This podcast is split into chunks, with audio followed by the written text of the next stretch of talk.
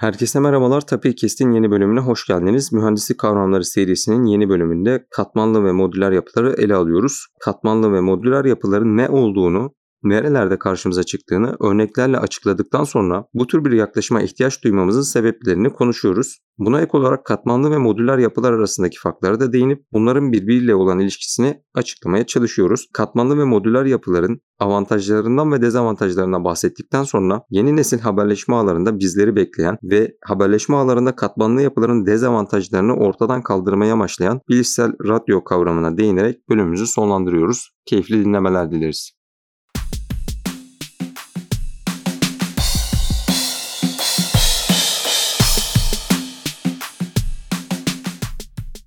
Sen hocam hoş geldiniz. Hoş bulduk Halil. Hocam şimdi bugün mühendislikte önemli bir kavramı katmanlı yapıları, katmanlı tasarımları katmanlı mimarileri konuşmak istiyoruz. Katmanlı yapıları ve katmanlı mimariler dediğimizde neden böyle bir kavrama ihtiyacımız oluyor? Bu nereden çıkmış ve neyi çözüyor, ne gibi dezavantajları var? Bölümümüz içerisinde bunu kısaca özetlemeye çalışacağız. Çünkü katmanlı yapı sadece elektrik elektronik mühendisliğinde, işaretler ve sistemlerde ya da haberleşmede değil, bütün alanlarda hayatımızda hemen hemen toplulukların yapısında, devletlerin yapısında, askeri kurumların yapısında, belki de insanı diğer canlılardan ayıran şeydir de diyebiliriz diyebiliriz. Çünkü iş bölümüne de giriyor buradan süreç ve çok detaylı bir şekilde zaten ilerleyen bölümlerde konuşacağız. Benim gördüğüm kadarıyla katmanlı yapı ve katmanlı yapılar temel olarak bir sorunu çözmek için elimizdeki kaynakları en verimli şekilde kullanmaya çalışmak ve çözdük dedikten sonra herhangi bir yeni değişiklik olduğu zaman ya da bir değişiklik yapmamız gerektiği zaman bu çözümü tamamını bozmadan arasından sadece küçük bir bölümü seçip o sorunlu kısmı güncelleyip tekrardan sistemi çalışır hale getirmek için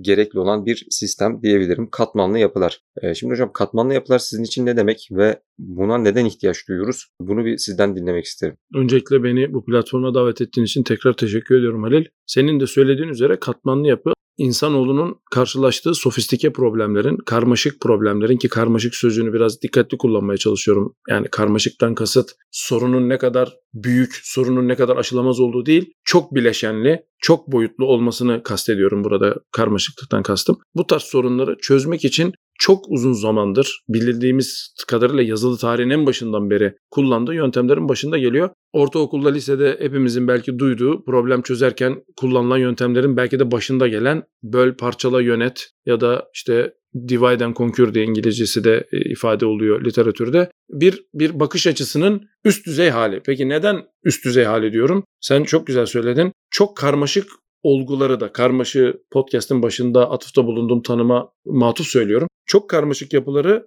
birimsel olarak galiba sen de podcast'tan önce baktık Türkçe sözlüklerde birimsel diye geçiyormuş galiba modülerlik. Yani birimsel yani en anlayabildiğimiz en yalın hale indirip onun davranışını anlayıp ondan bir tanesinden daha işte ya da bir üstüne bir altına bir yanına daha koyarak bunların bir organizasyon içerisinde senin oradan terimini ödünç alacağım müsaadenle bir organizasyon içerisinde Şimdi bizim alanlarda da güncel bir sözcük var ona da atı toplum. Orkestrasyon diyorlar şimdi buna. Orkestra yönetircesine problemi çözebilmek ve dediğin gibi problem çözüldükten sonra da sonrasını düşünerek yapabilmenin bir yöntemi. Yani bir cümleyle özetleseydim Halil, yalnızca katmanlı yapıyı sorunu çözmek için değil, çözülen sorunun zaman içerisindeki senin de söylediğin üzere evrimine uyarlanabilir hale getirmek için de kullandığımız bir strateji olarak değerlendiriyorum Halil. Hocam şimdi katmanlı yapı ve modüler yapıyı biz bu podcast'in içerisinde bir arada kullandık. Ancak katmanlı yapıyı ve modüler yapıyı da bu noktada biraz ayırmak istiyorum. İkisini birleştirdiğimizde e, sorunları çözmek için iyi bir yöntem elde ediyoruz ama katmanlı yapı dediğimizde ardışıl bir sistemden bahsediyoruz. Yani İngilizce sequential diyoruz bildiğim kadarıyla. Yani bir tür hiyerarşi var. Yani bu askeriye bunun için sanırım insanoğlunun bin yıllara dayanan bir geleneği var ve en üstten bir emir geldiğinde bu en alta kadar işte ardışıl bir şekilde ilerliyor. Ya da yine devletlerde bürokrasiyi ele alabiliriz. Yani en üst katmandaki kişilerin uğraştığı problemler ile bürokraside daha alt katmanlardaki kişilerin uğraştığı problemler aynı olmuyor. Bir kısım planlama üstüne uğraşıyor mesela. Diğer kısım bunun diğer görevli kişilere iletilmesinden ve iletişimin, haberleşmenin sağlanmasından sorumlu oluyor. Diğer bir kısım komple bunu hayata geçiren taraf oluyor. Ama bunların hepsini biz bir katmana bölüyoruz ve hayata geçirecek kısım bir üst taraftan ne yapacağı bilgisi gelmeden bunu gerçekleştiremiyor ve ne yapacağını söyleyen insanlar en üst taraftan bir plan ya da niyet belirtilmeden muhtemelen alt tarafa gidin şunu yapın diyemiyor. Bunu bütün organizasyonlar için hatta aile içinde belki Türkiye'de hani kurabilir yani aile içinde herkesin çeşitli görevleri oluyor ama organizasyon olarak işte ataerkil toplum deniyor sürekli.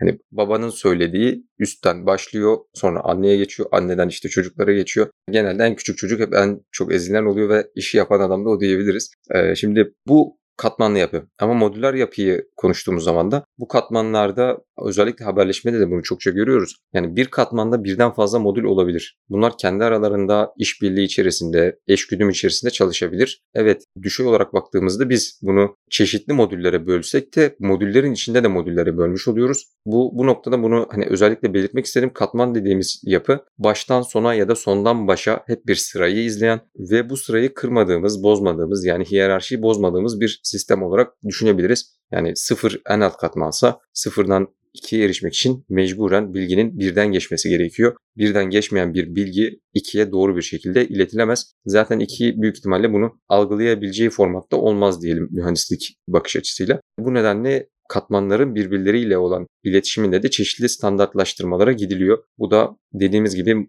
her bir katmanı bir modül olarak düşünürsek modülleri kendi içerisinde çok kolay bir şekilde mesela değişiklik yapmamızı, güncellememizi sağlayabiliyor. Şimdi ben kısaca hocam katmanlı yapıdan bahsetmeye çalıştım ve katmanlı modüler yapıyı böyle bir ayırmaya ve katmanlı ve modüler yapıyı ayırmaya çalıştım. Neleri çözdüğünden de az çok bahsetmeye çalıştım hocam dilim döndüğünce. Temel olarak burada sizin gördüğünüz katmanlı yapı ve modüler yapıyı kullanmakta ki kaygımız ne? Yani neyi çözmeye çalışıyoruz? Şimdi Halil aslına bakarsan konuşmanın e, giriş bölümünde ve sonrasında çok güzel iki tane noktaya değindin. Önce onları vurgulayarak başlamak istiyorum. Sonra soruna müsaadenle yanıt vereceğim. Şimdi katman ve modül e, işte Türkçesi birim ya da birimsellik hangisi ise söz konusu olduğunda aslında iki tane durumdan bahsediyoruz. Bir tane sorunumuz olsun. Hatta sen askeri örneğini verdiğin için oradan örnek verelim. Askeriye de hiyerarşiye her bir hiyerarşi, her bir rütbeye, komutanlarımızın rütbesine uygun olan işte rütbenin kendisine bir katman diyelim. İşte en üstte orgeneral var. Onun altında işte ona göre rütbeler geliyor. Her bir rütbe bloğuna biz bir katman diyelim. Şimdi Halil örneği müsaadenle askerlikten vereceğim.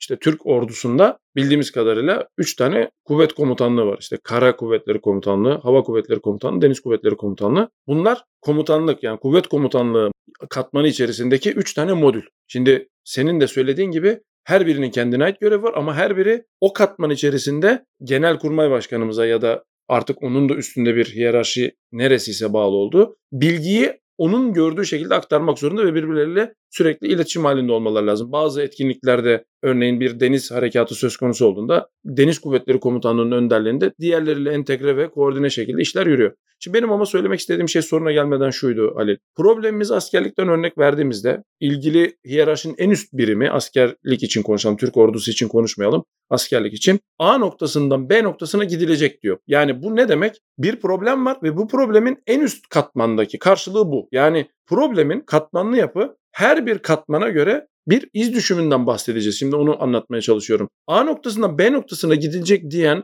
en üst mertebedeki kişi bunun ayrıntılarıyla çok ilgilenmiyor. Onun ilgilendiği ne? A noktasından B noktasına gidecek bir şey varsa ya da götürülecek bir şey varsa bunun ulaşıp ulaşmadığı gibi çok basit ikili bir karar olabilir örneğin. Yani o sorunu bu çözünürlükte görüyor.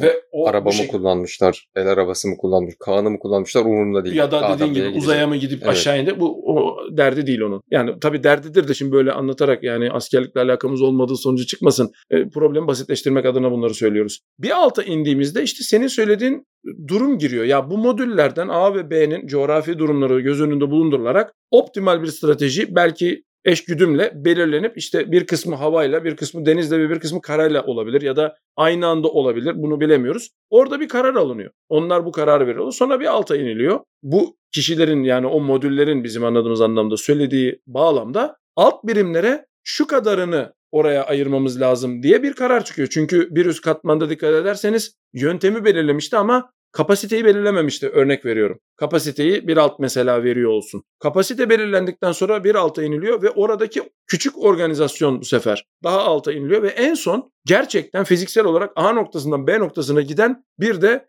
piyadeler olabilir. İşte onların kendilerine göre rütbeleri var. E, birimler olabilir. O kişi de sadece A noktasından B noktasına gideceğini bile bilmiyor olabilir. Yani ona söylenen A noktasından başla ve arada bir C noktasında şunu yap olabilir. Yani bu, bu hiyerarşiye baktığımızda katman gördüğümüz gibi aynı problemin bir grup modül tarafından o katman dediğimiz hiyerarşiye projeksiyonunun nasıl algılandığıyla alakalı bir durum. Peki bu bize ne sağlıyor? Şimdi soruna geri dönüyoruz. Gördüğünüz gibi bu sorun, bu yaklaşım, bu tasarım bize çok kolay arayüzleştirme sağlıyor. Arayüzleştirme ne demek? İki farklı grubun, insan grubunun, bunu tabii mühendisliğe uydurduğunuzda bunlar cihazda olabilir, yazılımda olabilir, her şey olabilir. İki farklı grubun kendilerine göre atanmış problemi harfiyen yerine getirildiklerinde, düzgün bir şekilde bir araya getirildiklerinde bir organizasyona tekabül ediyor. Ancak buradaki ortadaki birisinin organizasyonun ilgili görevin neresinde olduğunu bilmesine gerek yok. Kendisine verilen görevi kendisine verildiği kadarıyla tam olarak ifa edip etmemesiyle ilgili bir duruma dönüşüyor. Böylece çok kolay yönetilebilir bir duruma geliyor. Zaten askeriyenin de hiyerarşisi ve oradaki işte emir komuta zinciri dediğimiz şey tamamen bunun üstüne kurulur. Yani sen Sadece sana söyleneni yaparsan ve birisi dışarıdan bu hiyerarşiye bakarsa senin yaptığının belki senin anlamadığın çok bambaşka bir şey bile yapıyor olabilir. Dolayısıyla en temelde bizim anladığımız anlamda katmanlı yapı çok karmaşık olabilecek bir problemin en basit haliyle hiyerarşinin içerisindeki herhangi bir unsura olası en kolay şekilde anlatılmasını sağlıyor. Böylece girdiye bu çıktığı verdiğin zaman sen görevini ifa etmiş oluyorsun. Bu görevini ifa etmek büyük problemin neresinde bilmene bile gerek yok gibi bir soyutlaştırmanın ön adımıdır katmanlı yapı Halil. Hocam yani katmanlı yapı problemi çözüyor. Bunun cevabını verebiliyoruz. Katmanlı yapı iyi de olsa kötü de olsa hani mühendislik açısından baktığımızda ne kadar verimli, hani ne kadar enerji harcıyoruz ve çıktıda ne kadar iş elde ediyoruz. Bunu ne kadar verimli yapabiliyoruz, ne kadar kısa sürede yapabiliyoruz. Yani bu gerçekleştirdiğimiz işi aslında biz yarı zamanda ya da üçte biri zamanda gerçekleştirebiliriz ama bunun karşılığında ne veriyoruz, neleri kaybediyoruz bunlara ilgilenmeden daha doğrusu bunlarla ilgilenip ama temel odağımızın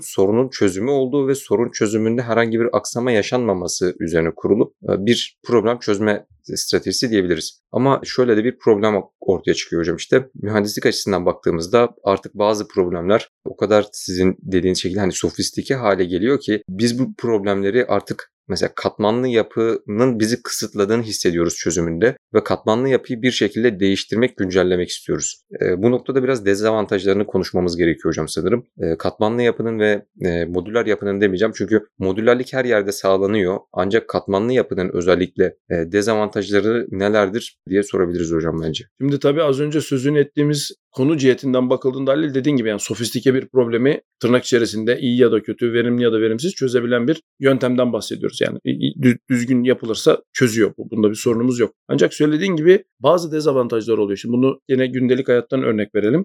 Sürekli işte askerlik bunun için çok e, doğru bir örnek olmayabilir. Çünkü e, hiyerarşiyi tam bilmediğiniz zaman örnek tam eşleşmez ama daha yalın bir örnek verelim senin verdiğin gibi. Yani sürekli mesela işte üniversitemizden örnek verelim. Bir öğrencinin derse girmek için yapmış olduğu şeyleri bir düşünelim. Yani bir hiyerarşi bir sırada yapıyor bunları. Katmanlı yapının en önemli probleminden bahsedeceğiz. Sıralı yapı problemi çözüyor ama bir de tırnak içerisinde lanete dönüşü olabilir. Nedir bu? Siz sürekli aynı işi aynı sırada aynı şekilde yapmaya başladığınızda bir süre sonra o aradakilerin hızlandırma, hızlandırılması ve o aradakilerin eğer bir de zeka kullanılmıyorsa az önce onu demiştik çünkü zeka kullanılmıyorsa yani orada farklı bir şey yapılmadığını düşünüyorsanız bir kısa devresi olması gerektiğini hissedersiniz. Düşünürsünüz hatta bunu uygulamaya çalışırsınız. Örnek verelim. Yani hep aynı saatte aynı şekilde derse giren bir öğrencinin bunun için artık bir protokole ihtiyacı olmadığını varsaymamız lazım. Öyle değil mi? İşte sınıfa girdiğinde hocaya selam verip işte yani yapmıyoruz ama böyle olduğunu varsayalım. Arkadaşlarıyla konuşup uzlaşıp ortadaki masanın kenarına oturması ile ilgili bir protokolü